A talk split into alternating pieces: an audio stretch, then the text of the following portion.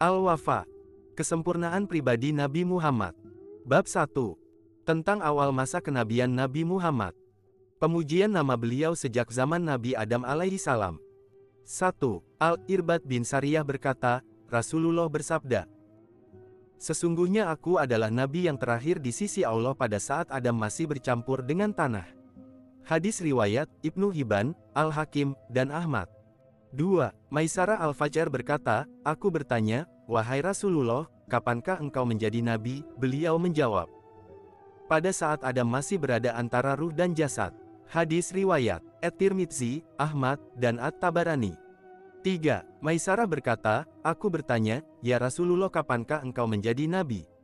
Beliau menjawab, Pada saat Allah menciptakan bumi, beristiwa di langit, menciptakan tujuh langit, menciptakan Arashi, lalu dia menulis di tiang Arashi, Muhammad adalah penutup para rasul.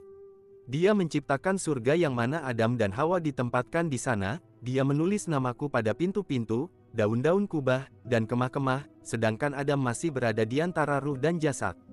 Tatkala Allah menghidupkan Adam, Adam pun melihat ke arah Arashi dan melihat namaku, Allah memberitahukannya bahwa itu adalah penghulu keturunanmu. Ketika Adam dan Hawa diperdayakan oleh setan mereka bertaubat dan memohon syafaat kepada Allah dengan menggunakan namaku. Hadis Riwayat Al-Baihaqi 4. Umar bin Al-Hattab berkata, Rasulullah bersabda, Ketika Adam melakukan kesalahan ia mengangkat kepalanya dan berkata, Ya Tuhanku dengan kebenaran Muhammad, ampunilah aku. Allah subhanahu wa ta'ala mewahyukan kepadanya, apakah Muhammad itu dan siapakah dia?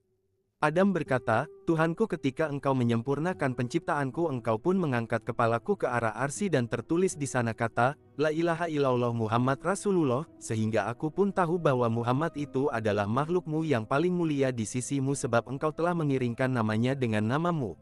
Allah berkata, Baiklah, aku ampuni dosamu. Dialah nabi yang terakhir dari keturunanmu dan kalau bukan karenanya aku tidak akan menciptakanmu. Hadis Riwayat Al-Baihaqi 5. Said bin Jubair berkata, manusia berselisih pendapat tentang siapakah makhluk Allah yang paling mulia di sisinya. Sebagian mereka berkata, Adam, sebab Allah telah menciptakan ia dengan tangannya dan menyuruh malaikat bersujud kepadanya. Sebagian lagi berkata, malaikat, sebab mereka tidak pernah melakukan maksiat kepadanya. Mereka pun mengadukan hal ini kepada Nabi Adam. Nabi Adam pun berkata, pada saat ditiupkan ruh kepadaku, ruh itu belum sampai ke kedua telapak kakiku. Aku pun duduk dan tampaklah olehku sinar arsi. Aku melihat di sana tertulis Muhammad Rasulullah. Dia itulah makhluk yang paling mulia di sisi Allah. 6. Wahbe bin Munabi berkata, Allah mewahyukan kepada Adam sebagai berikut, Aku adalah Allah pemilik Ka'bah ini. Penduduknya adalah orang-orang pilihanku. Pengunjungnya adalah tamuku dan berada dalam lindunganku. Di sana terdapat rumahku yang aku penuhkan ia dengan penduduk langit dan bumi. Mereka mendatanginya berbondong-bondong dengan berambut kusut dan berlumuran debu. Mereka berteriak dengan mengucapkan tasbih. Mereka berlari dengan mengucapkan talbiyah. Mereka menangis dengan air mata mereka yang bercucuran. Siapa yang berangkat menujunya tanpa ada tujuan lain sungguh ia telah menjengukku dan bertamu denganku sehingga patutlah bila ku beri ia hadiah dengan kemuliaanku. Aku menjadikan sebutan kemuliaan dan keagungan rumah itu pada seorang nabi dari keturunanmu. Dialah Muhammad penutup para nabi. Aku menjadikan ia sebagai salah satu orang yang mendiami, menjaga, melindungi, dan merawat rumah itu. Siapa yang bertanya tentang diriku pada hari itu, sungguh aku berada bersama orang-orang yang berambut kusut dan berlumuran debu itu yang menunaikan janji mereka dan menghadap Tuhan mereka. 7. Ibnu Abbas berkata, Allah mewahyukan kepada Nabi Isa, kalau bukan karena Muhammad, aku tidak akan menciptakan Adam. Aku telah menciptakan arsi lalu ia pun bergetar sehingga kutuliskan di atasnya kalimat la ilaha illallah Muhammad Rasulullah, ia pun diam. Asal tanah penciptaan beliau. 8. Kaab al-Ahbar mengatakan, ketika Allah berkehendak menciptakan Muhammad ia memerintah Jibril, agar membawakan segenggam tanah putih yang merupakan letak tempat kuburan Rasulullah lalu tanah itu dicampur dengan air surga kemudian dicelupkan ke sungai-sungai yang berada di surga dan dibawa ke sekeliling langit dan bumi. Malaikat pun mengenal Muhammad serta keutamaan beliau sebelum mereka mengenal Nabi Adam. Ketika cahaya Muhammad terlihat pada kilauan cahaya di kening Adam, Allah berkata, Wahai Adam, ini adalah penghulu keturunanmu dari para nabi dan rasul. Ketika Hawa mengandung Syits, Nur Muhammad berpindah dari Adam ke Hawa sehingga Hawa selalu melahirkan dua anak setiap kali melahirkan kecuali ketika melahirkan Syits. Hawa melahirkannya seorang saja dengan cahaya itu pun selalu berpindah dari seorang suci ke yang suci lainnya sampai Nabi Muhammad dilahirkan. Sebab kemuliaan Nabi Muhammad. 9. Ibnu Abbas berkata, Aku bertanya, Ya Rasulullah, di manakah Anda ketika Nabi Adam berada di surga?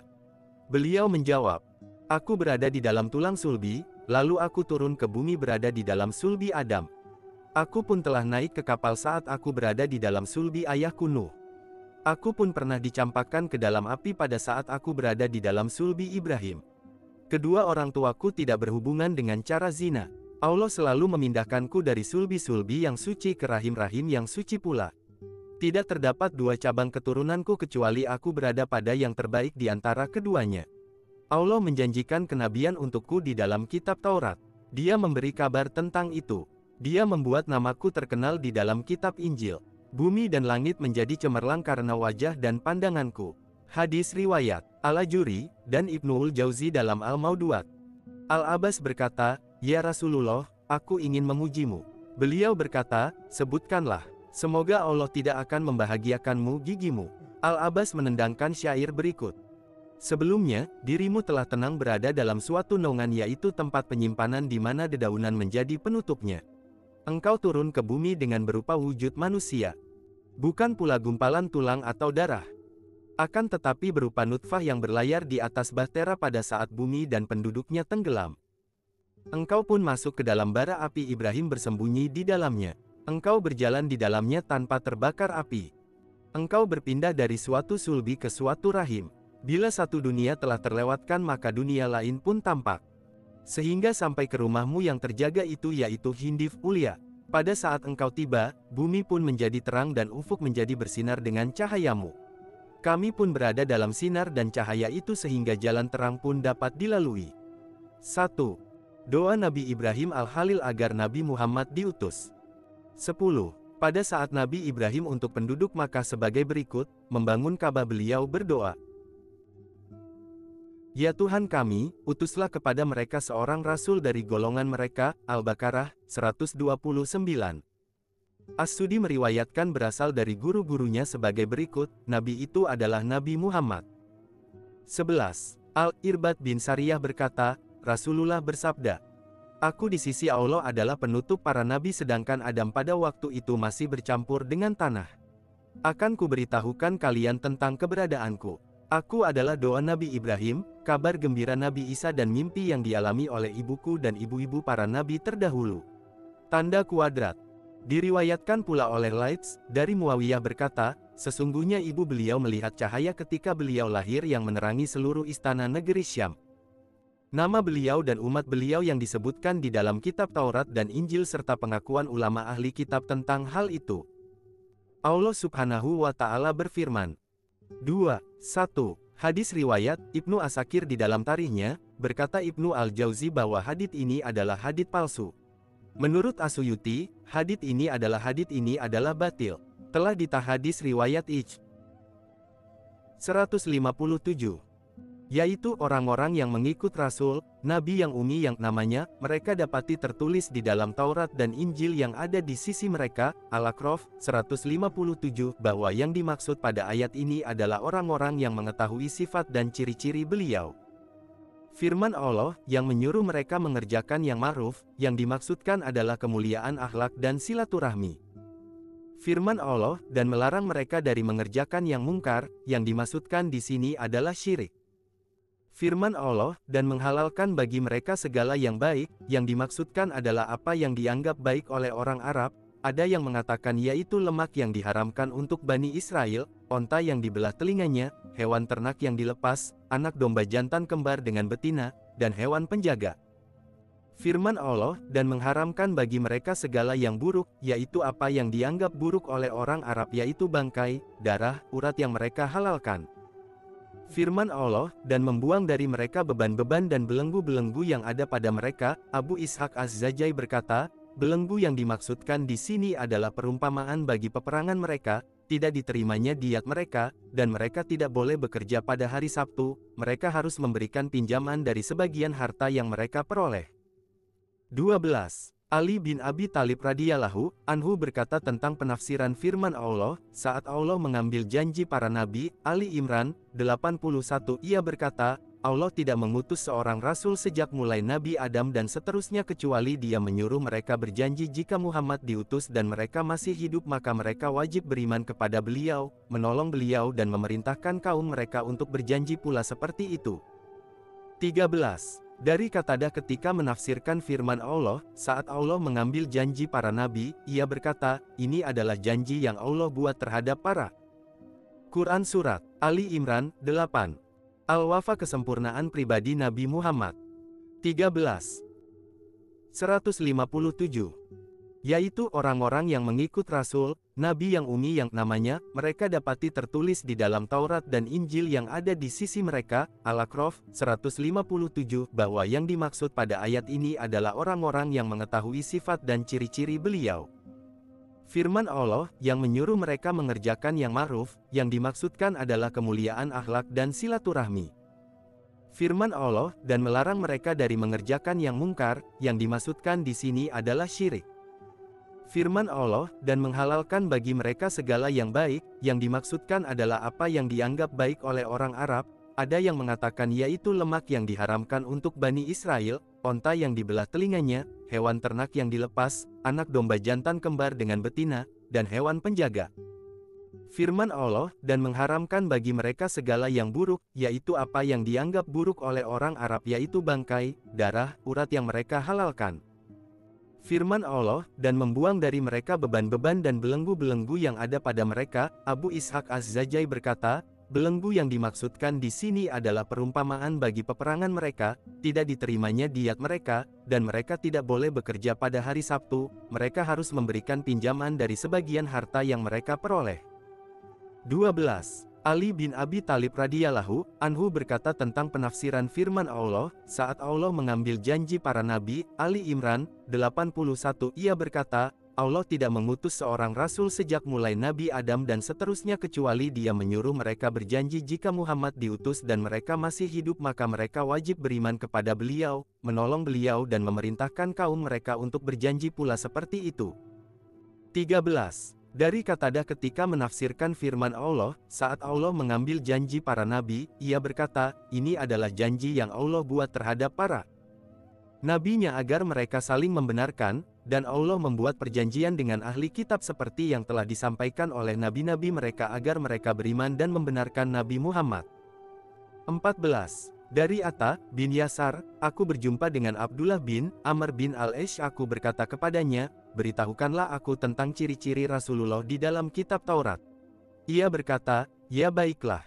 Demi Allah, telah disebutkan di dalam Taurat seperti yang telah disebutkan di dalam Al-Quran tentang beliau sebagai berikut ini, Hai Nabi, sesungguhnya kami mengutusmu sebagai saksi, dan pembawa kabar gembira serta pemberi peringatan, untuk menjaga agamaku. Engkau adalah hambaku dan rasulku.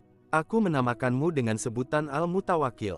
Engkau bukan orang yang berperangai jahat, bukan pula orang yang kasar, dan bukan orang suka berteriak di pasar. Engkau tidak membalas kejahatan dengan kejahatan, akan tetapi engkau adalah pemaaf. Allah tidak akan mencabut nyawa beliau sebelum agama yang bengkok menjadi lurus, sehingga mereka semua mengucapkan kalimat La ilaha illallah. Allah membuka melalui beliau mata orang-orang yang buta, telinga-telinga yang tuli dan hati-hati yang lalai. Lafaz hadith ini hanya diriwayatkan oleh Al-Bukhari. Tanda kuadrat. 15. Abdullah bin Salam berkata, sifat Rasulullah di dalam Taurat adalah sebagai berikut, sesungguhnya kami mengutus kamu sebagai saksi, pembawa berita gembira dan pemberi peringatan, tanda kubik untuk menjaga agamaku. Engkau bukanlah orang yang berperangai jahat, tidak pula kasar, dan bukan orang suka berteriak di pasar. Tidak membalas kejahatan dengan kejahatan, akan tetapi engkau adalah seorang yang pemaaf. Aku tidak akan mencabut nyawamu hingga agama yang bengkok ini menjadi lurus. Akan kubuka dengan sebabmu telinga-telinga yang tuli, hati-hati yang lalai, mata-mata yang buta agar mereka semua mengucapkan la ilaha illallah. Hadis Riwayat Al-Qurtubi dalam tafsirnya 16. Dari Ibnu Abbas, bahwasanya ia bertanya kepada Kaab, apa yang engkau ketahui tentang Rasulullah di dalam kitab Taurat? Kaab menjawab, kami mendapatkan bahwa beliau adalah Rasulullah, lahir di Makkah. Tempat hijrah beliau adalah Tabah, Madinah. Kekuasaan beliau. Quran Surat, Al-Ahzab, 45. Dua hadis riwayat, Al-Bukhari, Ahmad, At-Tirmidzi, At-Darimi dan Al-Baihaqi dalam Dalailu An-Nubuwah. Quran Surat, Al-Fat, 8. 3. Berada di Syam, beliau bukan orang yang keji, tidak pula suka berteriak di pasar dan tidak membalas kejahatan dengan kejahatan, akan tetapi beliau suka memeberi maaf. Kaab melanjutkan, kami mendapatkan di dalam Taurat tertulis bahwa Muhammad adalah Rasulullah, bukan orang yang keji bukan pula orang yang bersifat kasar dan tidak suka berteriak di pasar, tidak membalas kejahatan dengan kejahatan, akan tetapi suka memaafkan. Umat beliau adalah orang-orang yang suka memuji Allah, bertakbir pada setiap tempat, bertahmid pada setiap rumah. Mereka mengenakan sarung pada setengah badan mereka. Mereka berwudu dengan membasuh anggota badan mereka. Mereka diserukan di kawasan langit. Barisan mereka dalam peperangan seperti barisan mereka pada waktu salat. Pada malam hari, suara mereka mendengung seperti dengungan lebah. Tempat kelahiran beliau adalah Makkah. Tempat hijrah beliau adalah Tabah. 17. Kaab berkata, Allah berfirman di dalam Taurat pada barisan pertama sebagai berikut, Muhammad adalah hamba pilihanku, bukan orang yang berperangai jahat, bukan pula orang yang kasar, bukan orang suka berteriak di pasar, tidak membalas kejahatan dengan kejahatan akan tetapi dia suka memaafkan. Tempat lahirnya di Makkah, hijrahnya di Taibah, Madinah, dan kekuasaannya berada di Syam. Pada baris kedua Allah berfirman sebagai berikut, Muhammad adalah Rasulullah. Pengikutnya adalah orang-orang yang suka memuji Allah, bertahmid kepada Allah dalam keadaan lapang maupun sempit. Mereka bertahmid pada setiap rumah, mengucapkan takbir pada setiap naik ke atas bukit. Mereka memperhatikan perputaran matahari. Mereka melakukan salat bila waktunya tiba walaupun mereka berada di atas sampah. Mereka mengenakan sarung setengah badan mereka, membasuh anggota badan mereka dengan berwudu. Suara mereka terdengar di langit bagaikan suara lebah. 1. 18. Abu Hurairah radhiyallahu anhu berkata, Rasulullah bersabda, sesungguhnya Nabi Musa ketika menerima Taurat, ia membacanya dan mendapatkan di dalamnya bahwa Allah menyebutkan umat ini. Nabi Musa berkata, Tuhanku, aku mendapatkan di dalam lembaran Taurat ada suatu amat yang akan datang terakhir tetapi mereka adalah umat pertama masuk surga dan pula diberikan syafaat, jadikanlah umat itu sebagai umatku. Allah berkata, itu adalah umat Muhammad. Nabi Musa berkata, Tuhanku, aku menemukan di dalam lembaran Taurat ada umat yang membawa kitab suci mereka ada di atas dada mereka, mereka membacanya secara terang-terangan. Jadikanlah umat itu sebagai umatku. Allah berkata, itu adalah umat Muhammad. Lihat tabakat Ibnu Sa'ad dengan beberapa jalur, dan lihat Dalail An-Nubuwah. Nabi Musa berkata, Ya Tuhanku, aku menemukan di dalam lembaran Taurat ada umat yang membuat makanan mereka sebagai sadakah dan mereka diberi pahala atas hal itu. Jadikanlah umat itu sebagai umatku. Allah menjawab, itu adalah umat Muhammad. Nabi Musa berkata, Tuhanku, aku menemukan di dalam lembaran Taurat ada umat yang bila seseorang di antara mereka berkeinginan untuk melakukan kejahatan namun ia tidak melakukannya maka tidak dicatat sebagai dosa. Jika mereka melakukannya maka barulah dicatat sebagai satu kesalahan. Jadikanlah umat itu sebagai umatku. Allah berkata, itu adalah umat Muhammad. Nabi Musa berkata, Ya Tuhanku, aku menemukan di dalam lembaran Taurat ada umat yang dikarunai dengan ilmu-ilmu terdahulu dan ilmu-ilmu yang terakhir. Mereka membunuh pemimpin kesesatan yaitu Dajjal. Jadikanlah umat itu sebagai umatku. Allah berkata, itu adalah umat Muhammad. Nabi Musa berkata, Ya Tuhanku, jadikanlah aku termasuk umat Muhammad. Maka ia telah diberikan akan permintaannya dengan dua hal. Allah berkata, Wahai Musa, aku telah memilihmu dari sekalian manusia dengan firman dan risalahku, maka ambillah apa yang telah aku berikan serta jadilah engkau sebagai orang yang bersyukur. Nabi Musa berkata, Aku bersyukur, ya Tuhanku. 19. Dikisahkan bahwa Kaab al-Ahbar melihat seorang pendeta Yahudi sedang menangis, ia berkata kepada pendeta itu, apa yang membuatmu menangis? Pendeta itu menjawab, aku teringat pada beberapa perkara. Kaab berkata, demi Allah, jika aku memberitahukanmu apa yang dapat membuatmu menangis maka percayakah engkau kepadaku? Pendeta menjawab, iya. Kaab berkata, Demi Allah, apakah telah kau temukan di dalam Taurat bahwa Nabi Musa pernah membaca Taurat dan ia berkata, Tuhanku, aku menemukan suatu umat yang paling baik yang diutus kepada umat manusia untuk memerintahkan kebaikan dan mencegah kemungkaran. Mereka beriman kepada kitab yang pertama dan kitab yang terakhir. Mereka memerangi golongan orang-orang sesat sehingga mereka pun memerangi Dajjal al-Awar yang buta sebelah matanya. Jadikan umat itu sebagai umatku. Allah berkata, itu adalah umat Muhammad. Pendeta menjawab, ya. Kaab berkata, demi Allah apakah engkau menemukan di dalam kitab Allah yang telah diturunkan bahwasanya Musa membaca Taurat dan berkata, Ya Tuhanku, aku menemukan umat yang suka memujimu yang selalu mengawasi perputaran matahari dengan seksama. Bila mereka ingin melakukan sesuatu mereka berkata, kami akan melakukannya, insya Allah. Jadikanlah itu sebagai umatku. Pendeta menjawab, ya. Kaab berkata, demi. Hadis riwayat, Abu Nuaim, ia berkata bahwa hadit ini garib dan di dalamnya terdapat kelemahan. Allah, apakah engkau mendapatkan di dalam kitab Taurat bahwasanya Musa membaca Taurat dan berkata, Ya Tuhanku, aku menemukan bahwa ada umat yang apabila salah seorang mereka naik ke atas bukit ia mengucapkan takbir, apabila turun dari bukit ia bertahmid kepada Allah, Tanah adalah suci bagi mereka, bumi adalah masjid bagi mereka di mana saja mereka, mereka disucikan dari jinabah junub mereka bersuci dengan menggunakan tanah air apabila mereka tidak mendapatkan air, wajah mereka terang berseri sebab wudhu. Jadikanlah mereka sebagai umatku. Pendeta itu menjawab, ya. Kaab berkata, demi Allah, apakah engkau mendapatkan di dalam kitab Allah bahwasanya Musa membaca Taurat dan berkata, Ya Tuhanku, aku mendapatkan di dalamnya ada umat yang dikasihi dan mereka itu lemah. Mereka mewarisi Alkitab, mereka adalah umat pilihanmu. Di antara mereka ada yang berbuat zalim pada dirinya sendiri. Ada yang sederhana saja, ada yang bersegera melakukan kebaikan. Aku tidak menemukan seorang pun di antara mereka kecuali dikasihi. Jadikanlah mereka sebagai umatku. Allah berkata, mereka adalah umat Muhammad. Pendeta berkata, ya. Kaab berkata, demi Allah, apakah engkau menemukan di dalam kitabmu bahwasanya Nabi Musa membaca Taurat dan berkata, Tuhanku, aku menemukan di dalam kitab Taurat ada umat yang musaf mereka berada di atas dada mereka. Mereka berbaris ketika salat seperti barisan malaikat. Suara mereka di dalam masjid bagaikan suara lebah. Tak satu pun di antara mereka yang masuk neraka kecuali hanya orang yang enggan beramal kebaikan. Jadikanlah mereka sebagai umatku. Allah berkata, mereka adalah umat Muhammad. Pendeta berkata, ya, Nabi Musa merasa kagum dengan segala kelebihan yang telah Allah berikan kepada Nabi Muhammad dan umatnya. Nabi Musa berkata, alangkah baiknya jika aku menjadi pengikut Muhammad. Lalu Allah mewahyukan kepadanya tiga ayat berikut agar ia merasa rida dengan semua ini.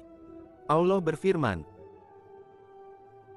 Hai Musa sesungguhnya aku memilih melebihkan kamu dari manusia yang lain, di masamu, untuk membawa risalahku dan untuk berbicara langsung denganku, sebab itu berpegang teguhlah kepada apa yang aku berikan kepadamu dan hendaklah kamu termasuk orang-orang yang bersyukur.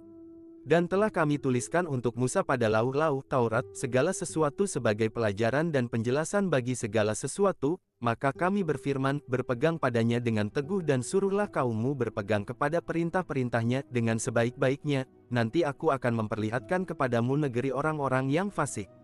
Al-Aqraf 144-145 Dan Allah Ta'ala berfirman 159 dan di antara kaum Musa itu terdapat suatu umat yang memberi petunjuk kepada manusia, dengan hak dan dengan hak itulah mereka menjalankan keadilan.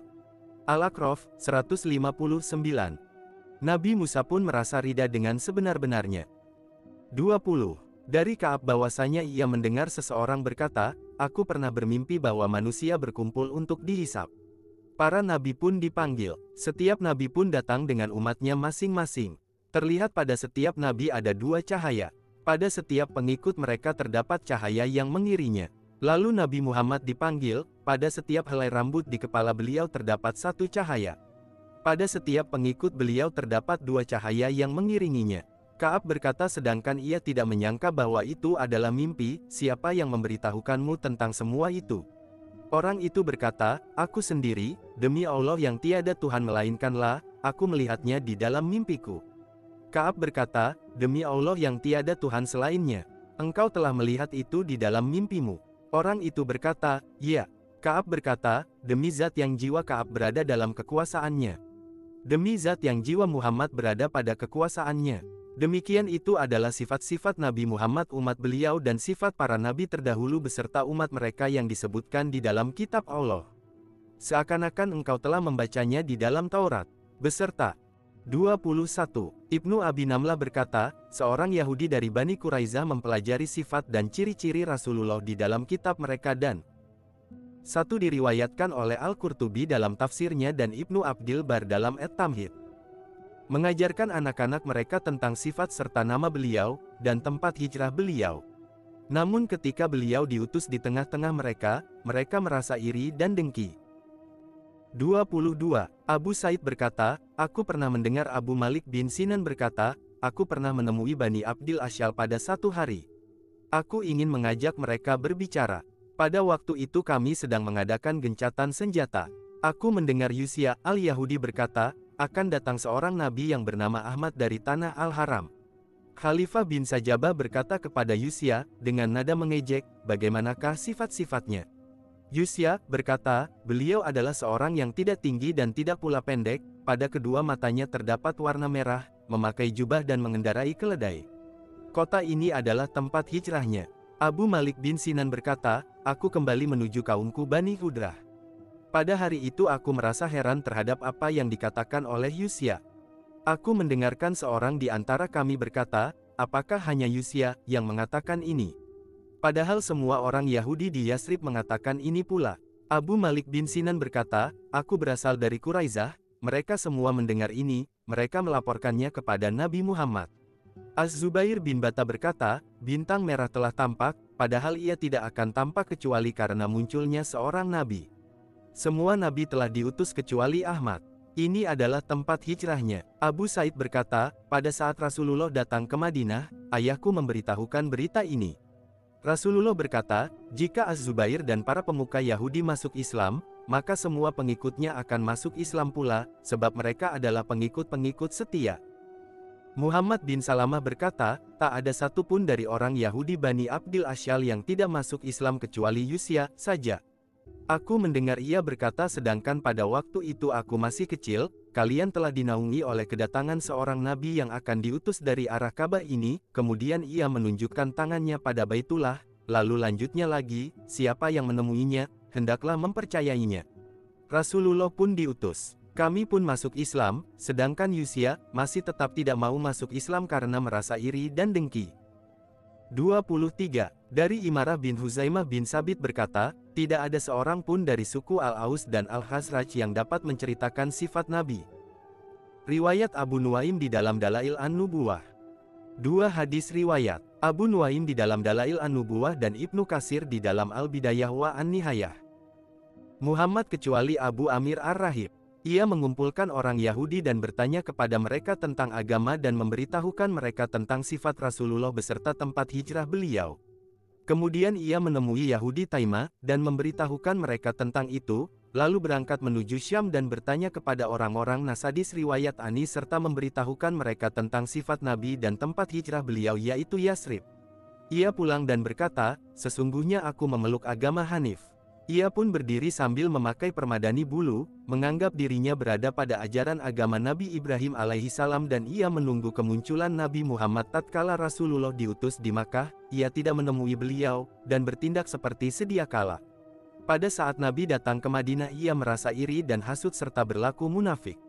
Ia menemui Nabi seraya mengatakan, Wahai Muhammad, dengan perintah apa engkau diutus?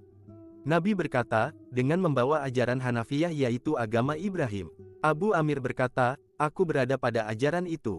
Rasulullah berkata, engkau tidak berada pada ajaran itu. Abu Amir berkata, engkau telah mencampurkannya dengan ajaran lain. Rasulullah berkata, aku membawanya dengan keadaan bersih dan murni.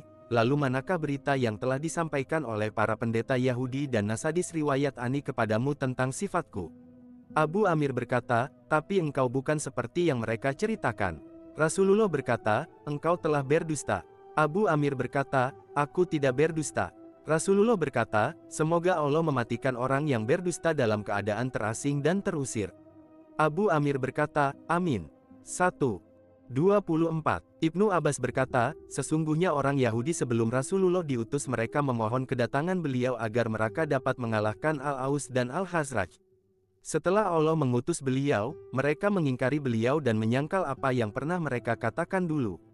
Muaz bin Jabal dan Bisir bin Al-Bara petik terbalik berkata kepada mereka, Wahai kaum Yahudi, bertakwalah kalian kepada Allah dan masuklah ke agama Islam, sungguh kalian telah mengharap kedatangan Muhammad agar kalian dapat mengalahkan kami.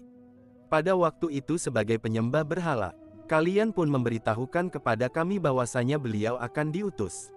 Kalian sebutkan pula tentang sifat-sifat beliau.